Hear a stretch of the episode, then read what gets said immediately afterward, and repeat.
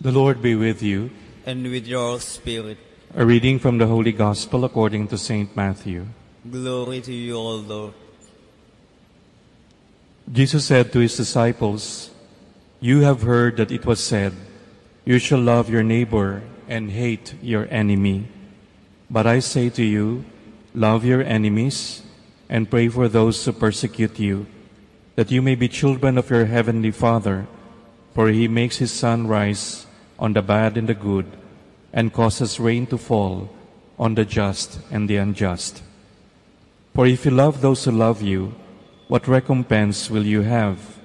Do not tax collectors do the same? And if you greet your brothers only, what is unusual about that?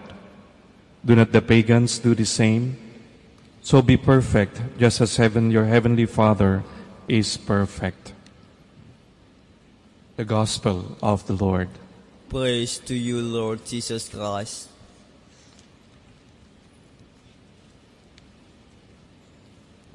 Most likely, every time we we read this this segment in the Gospel of Matthew, our attention is magnetized or caught by the words, "Love your enemies." Love your enemies and pray for those who persecute you. And then you stop. And then you react. Deep inside you, we know what is this that the Lord is telling us. This is very challenging for us. Is this something that is acceptable by reason? And people, I'm sure, would react in different ways. I won't be surprised with reactions. Time and again, I've asked people, for example, if somebody curses you, what would you do? And people are very spontaneous and honest. I would curse them back. You know, an eye for an eye, a tooth for a tooth. We would understand that. The one that is not understandable is loving your enemies. In the Gospel of Luke, it's more explicit, has, has more details. It says, um, love your enemies, do good to those who hate you. Very, very explicit. Bless those who curse you, and pray for those who mistreat you. These are moments wherein we are face to face with something that is evil.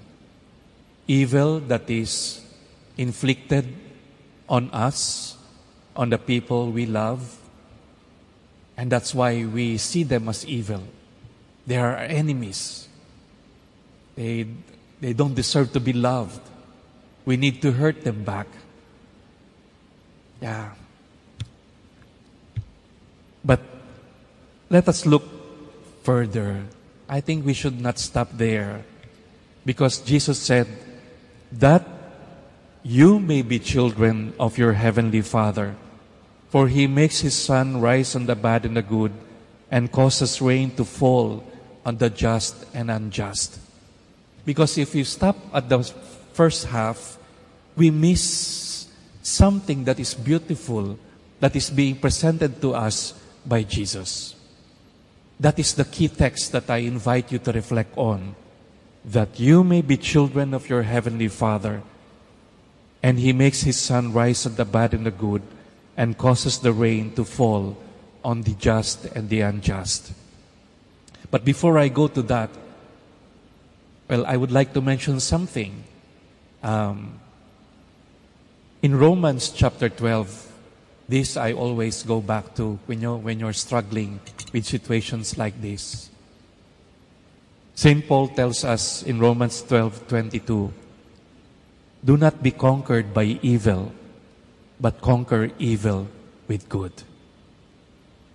That is a very good reference side by side with the gospel for today. When you bless those who curse you, when you pray for those who persecute you, when you do good to those who hate you, you are conquering evil with good. If you do just the same, what they have done to you, you are just allowing evil to take over you. That one is understandable. That one is logical. Why do we do the things that we hate in other people? We hate them for cursing us, but in return, we do the same, and we are not very different. And so what happens is we fail to be different. We fail to be a witness. Today, when we speak of honor, preserving and protecting one's honor, people may say, it may be important to others, but not to me. I don't care what you think of me. But it matters. It matters to one who considers himself a child of God. That title is a title of honor to be a child of God. And that's why it is something that we need to be very conscious of and something that we should not lose even when face to face with evil. Don't you notice that when we are faced with evil, we tend to lose what it means to be good? What, that we tend to become what we hate and what we don't like. We lose. When we lose our temper, when we lose, we lose a lot of things. Our identity, our humanity. And so the gospel is bringing that back. It is surprising when you look at what I cited from Romans chapter 12, verse 21. That the verse before that says, If your enemy is hungry, feed him. If he is thirsty, give him something to drink. I think this is a very concrete articulation of what it means to do good to those who hate you. And I discovered that this is a direct quotation from Proverbs chapter 25, verse 21. In other words, even in the Old Testament, there is already that sense, that sense of, of not losing your humanity. According to a commentary, it was a very good reminder of our humanity, of what it is to be human.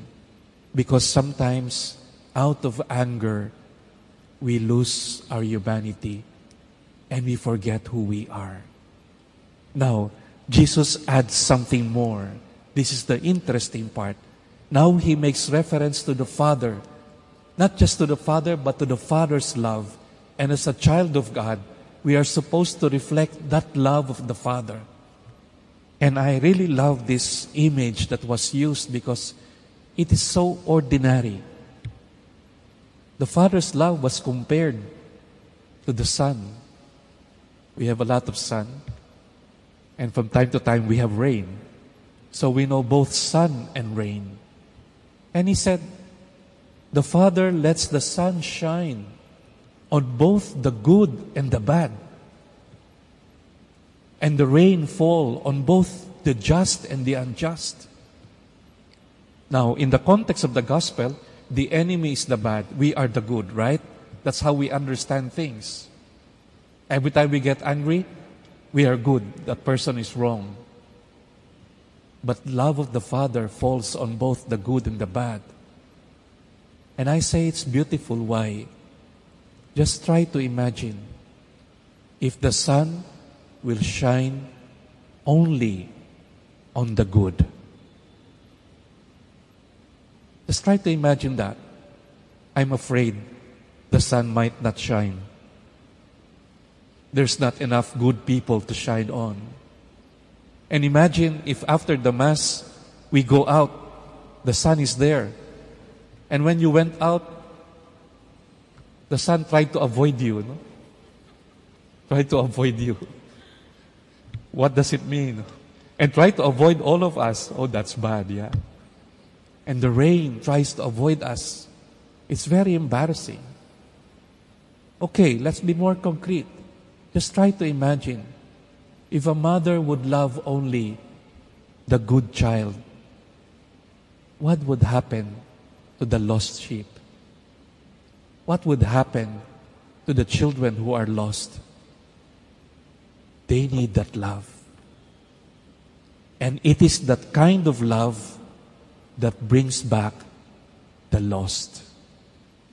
And that's why every time I mention this, I tell people, this is not good news to some people. What is not good news? It is not good news to you and to me to know that God loves your enemies. What we want to do is that God loves us and God please shoot him down, you know. That's my enemy. Whether you like it or not, even the people we don't like, the truth is, God loves them. And they need the same love the way we do. And that's why we need to pray, my brothers and sisters. It was difficult at the time and remains to be difficult in our time to live up to be a child of God, to be a witness to God's love, whose sun shines on both the good and the bad. We might be angry at times. We may lose our temper. But my brothers and sisters, let us not lose our humanity and let us not lose our identity. We are God's children.